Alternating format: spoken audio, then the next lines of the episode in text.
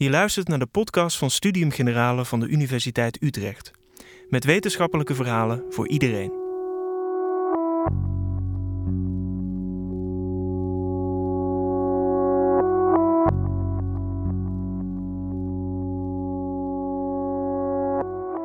Der, die, das.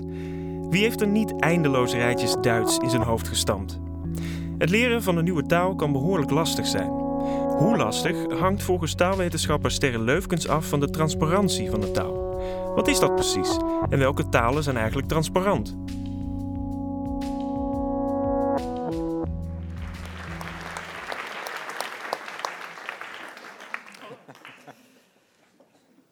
Uh, dag allemaal. Ik ga het vanavond uh, inderdaad onder andere over het uh, Sochapan Chinantec hebben. Maar eerst wil ik jullie een vraag stellen. Wat denken jullie dat de moeilijkste taal ter wereld is? Ik geef even iemand dichtbij een beurt. Een beurt, meneer, wat denkt u? Chinees. En waarom uh, lijkt dat nou zo'n moeilijke taal? Misschien omdat het zo vreemd overkomt, uh, de, de, vele tekens, de zeer aparte manier van uitdrukking. Ja, komt vreemd over. Ja, dus het schrift is ook heel anders dan dat van ons.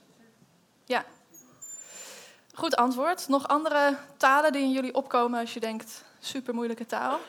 Meneer? Het Fins. Ook een heel leuk antwoord. Nou, dat zijn uh, prachtige antwoorden. Uh, waar ik veel mee kan, want ik wil de uh, vraag bespreken: wat maakt een taal nou moeilijk? Um, en in het verlengde daarvan, is het Nederlands nou een moeilijke taal of niet? En als je je die vraag stelt, wat maakt een taal moeilijk? Dan moet je eigenlijk eerst vragen, voor wie is die taal moeilijk? Wie is die taal aan het leren? En laten we beginnen met kijken naar onszelf, naar volwassenen. Wat maakt een taal moeilijk uh, voor een volwassene die die taal aan het leren is?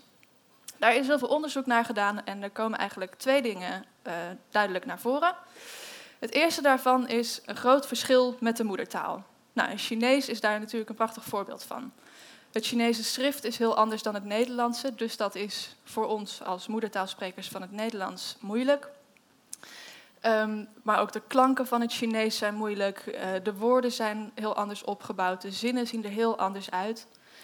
Dus een taal die zo verschillend is van het Nederlands ja, of van je moedertaal is inderdaad heel moeilijk. Terwijl het Duits voor ons wat dat betreft makkelijker is. Een tweede ding dat moeilijk is wanneer je als volwassene een taal leert, uh, dat is wat ik noem rijtjes. Dat zijn dingen waar je op de middelbare school wel op hebt zitten stampen. Dus we hebben allemaal Duits gehad, denk ik. Dan zat je met die der, die, das, den, des, die. Nou, dat moest je eindeloos herhalen voordat dat er een beetje in kwam. En dan, als je een echte zin gebruikte, dan kwam net niet, toch niet de goede vorm eruit. Dat is iets wat volwassenen heel moeilijk vinden, die rijtjes uit hun hoofd leren. En het Duits valt dan nog relatief wel mee met vier naamvallen. Um, wie Grieks of Latijn heeft gehad, die heeft al met vijf of zes naamvallen te maken gehad. Het Fins, vond ik heel leuk dat je dat noemde, dat is zo moeilijk omdat het maar liefst 16 naamvallen heeft. Nou, daar ben je mooi klaar mee. Uh, maar het kan zelfs nog erger. Uh, in Dagestan, in het zuiden van Rusland, wordt een taal gesproken die heet het Tsez en die heeft 64 naamvallen. Ja, ik uh, hoor geschokte reacties uit de zaal. Dat uh, is terecht. Dat is dus voor volwassenen echt een super moeilijke taal om te leren. Wat dit betreft valt het Nederlands eigenlijk wel mee. We hebben twee naamvallen, maar dat zie je eigenlijk alleen maar aan woordjes als hij en hem en ik en mij. Dus je hoeft niet eindeloos rijtjes te stampen zoals in het zes. Um, dus verschillen met de moedertaal en die rijtjes, dat vinden volwassenen moeilijk. Het is voor kinderen heel anders. Kinderen hebben andere problemen bij het leren van talen. En die twee problemen van volwassenen, die hebben ze niet. Uh, voor kinderen is er geen verschil tussen de te leren taal en de moedertaal, want het is de moedertaal die ze leren. En rijtjes zijn voor kinderen ook niet moeilijk. Um, in de taalkundige literatuur worden kinderen wel rijtjesmachines genoemd.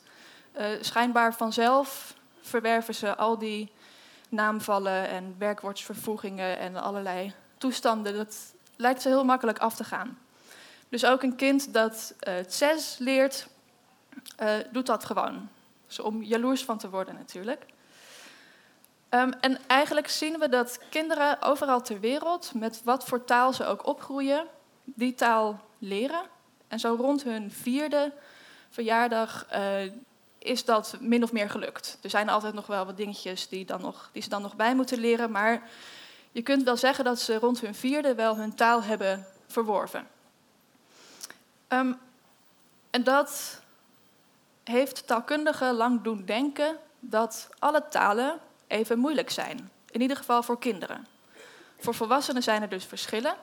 Maar voor kinderen dachten we heel lang nou, ongeveer allemaal hetzelfde. Want het maakt niet uit hoeveel naamvallen er zijn. Er is geen verschil met de moedertaal. Voor kinderen geen verschil. Um, ik wil vanavond betogen dat dat anders is. Dat dat uh, een verkeerde gedachte is. Um, ik heb in mijn promotieonderzoek onderzoek gedaan naar een speciale categorie eigenschappen van talen.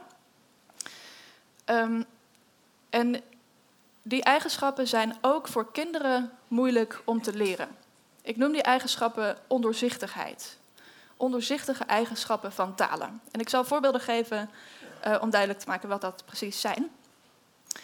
Het eerste voorbeeld, de en het in het Nederlands. Um, van ieder woord in het Nederlands moet je weten of het de krijgt of het. Van ieder zelfstandig naamwoord. Dus bijvoorbeeld, jullie zitten allemaal op een stoel en jullie weten dat dat de stoel is. En daar is een bar en jullie weten dat dat de bar is. Hoe jullie dat weten, dat hebben jullie gewoon allemaal uit je hoofd geleerd. Er is niks aan stoelen of aan barren te zien, waardoor je weet, oh, dat moet de zijn. Um, maar je weet ook dat het het glas is.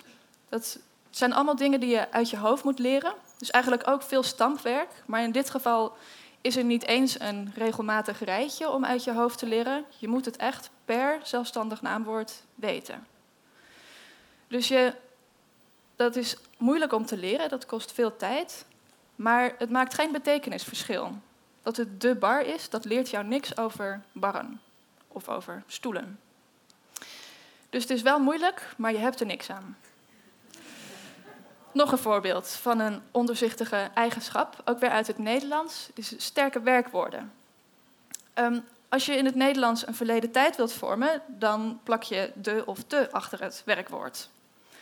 Dus jullie hoorden dat er een taalwetenschapper kwam en toen boekten jullie allemaal een ticket. Um, dat is gewoon mooi regelmatig. Maar ik had ook kunnen zeggen, jullie lazen dat er een taalwetenschapper kwam en toen kochten jullie een ticket. Dan heb je twee uitzonderingsgevallen, waar je geen de of te moet gebruiken, maar een andere vorm van het woord. Dus als je een goede verleden tijd wilt maken in het Nederlands, moet je weten de regel dat je er de of te achter plakt. Je moet weten dat er een aantal werkwoorden zijn waar, waarvoor dat niet geldt. En dan moet je ook nog eens weten hoe je die dan vervoegt. Want als je eenmaal weet, oh ja, kopen, kocht, dan denk je misschien, oh, lopen, locht. Nee, liep. Dus wederom moeilijk om te leren, maar het maakt geen betekenisverschil. Je gaat er niet je beter door uitdrukken of meer door communiceren, doordat dat, uh, door deze eigenschap van het Nederlands. Ook dat noem ik een ondoorzichtige eigenschap van het Nederlands. En uh, Rick noemde het al even, in de literatuur worden die eigenschappen ook wel de mannentepels van de taal genoemd. Waarom? Nou, ze zitten er, ze zien er interessant uit. Misschien hadden ze ooit wel een functie, maar wat je er nu aan hebt, is een raadsel. Nou, dat vond ik natuurlijk interessant, dus daar wilde ik op promoveren. Um, en toen heb ik in 22 talen van over de hele wereld gekeken hoeveel van die mannentepels ze nou hadden. Hoeveel ondoorzichtigheid er in die talen zat. Want die ondoorzichtige eigenschappen die zijn dus moeilijk te leren voor volwassenen. Um, als je het Nederlands als tweede taal leert, zijn de en het typisch dingen waar je over blijft struikelen. Maar ook voor kinderen zijn dit moeilijke eigenschappen. Dus Nederlandse kinderen hebben hun uh, taal grotendeels wel verworven, ook als ze vier jaar oud zijn. Maar tot hun achtste blijven ze nog fouten maken, bijvoorbeeld met de en het. Daar kun je aan zien hoe moeilijk dat is, ook voor kinderen. En ik heb dus in 22 talen gekeken hoeveel van die eigenschappen um, daarin voorkwamen. Um, Nou, ik ga even de uiterste met jullie delen. Dus de minste en de meeste mannetepels. De minste mannetepels vond ik in het Taiwa. Dat is een taal die gesproken wordt in Indonesië op het eiland Pantar. Um, en die had heel weinig van die onderzichtige eigenschappen. Wel een paar, niet volledig doorzichtig, maar um, een relatief, uh, relatief doorzichtige taal. En dus, volgens mij, relatief makkelijk te leren, ook voor kinderen. Aan het andere einde van het spectrum, jullie voelen de bui misschien al hangen, um, vond ik het Nederlands. Het Nederlands had van de 22 talen die ik bekeken heb de meeste ondoorzichtige eigenschappen uh, van de andere talen. Ja, dus uh, nou, knap van jullie dat uh, jullie dat allemaal geleerd hebben.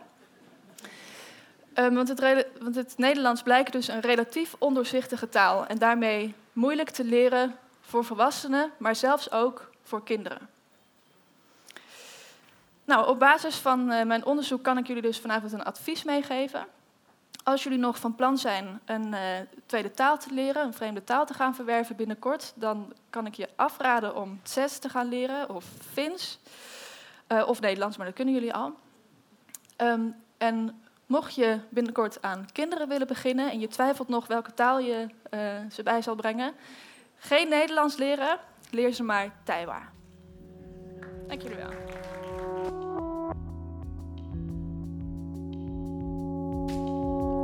Dit was de podcast van Studium Generale van de Universiteit Utrecht.